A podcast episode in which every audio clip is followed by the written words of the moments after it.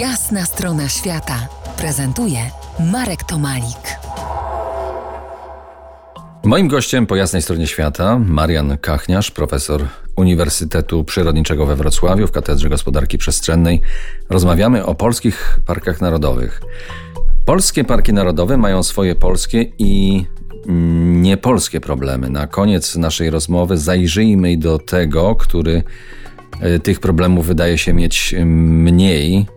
Ten niemal e, po brzegi wypełniony turystami. Ten blisko, którego mieszkasz w Sudytach. No, czyli Karkonoski mm, Park y, Narodowy, który jest jednocześnie y, rezerwatem y, biosfery.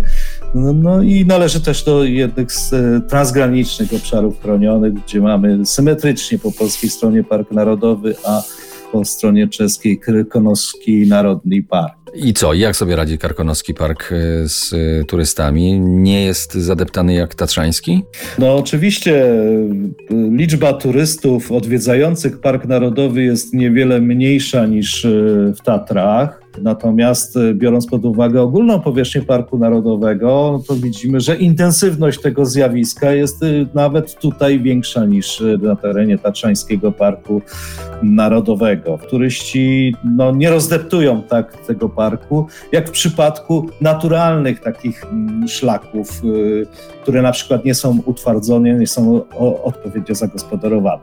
Aczkolwiek należy tutaj zwrócić uwagę, że każdorazowo tego typu inicjatywy no, spotykają się też i z kontestacją, dlatego że utwardzanie szlaków y, na terenie Parku Narodowego niektórych wzburza, uważając, że to przecież y, jest ingerencja w naturę. No ale z drugiej strony, patrząc też i na rozwiązania międzynarodowe, czy amerykańskie, czy nowozelandzkie, czy nawet te twoje australijskie, no to spotykamy się tam na przykład z dobrze przygotowanymi szlakami. To jest owszem ingerencja e, w naturę. Te szlaki mają swoją utwardzoną powierzchnię, ale dzięki temu ten, ten strumień turystów ogranicza się tylko i wyłącznie do tego szlaku. Nie omijają oni przeszkód, nie tworzą różnych bypassów, który powoduje, że szlak wygląda jak wielka, rozdzielająca się na wiele e, ramion rzeka, co przynosi oczywiście większe skutki dla natury niż w przypadku jednak utwardzenia. No to jak my, ludzie, którzy lubimy i nade wszystko potrzebujemy świeżego oddechu Parku Narodowego, możemy im pomóc? Chętniej odwiedzać te mniej znane w Polsce?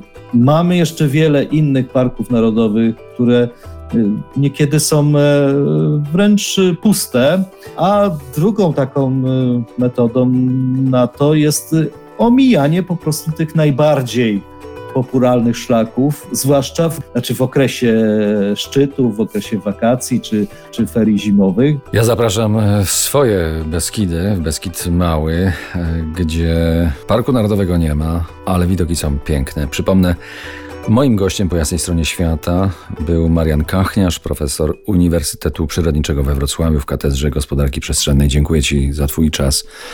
Tutaj dla nas, dla słuchaczy RMF Classic. Była jasna strona świata w RMF Classic.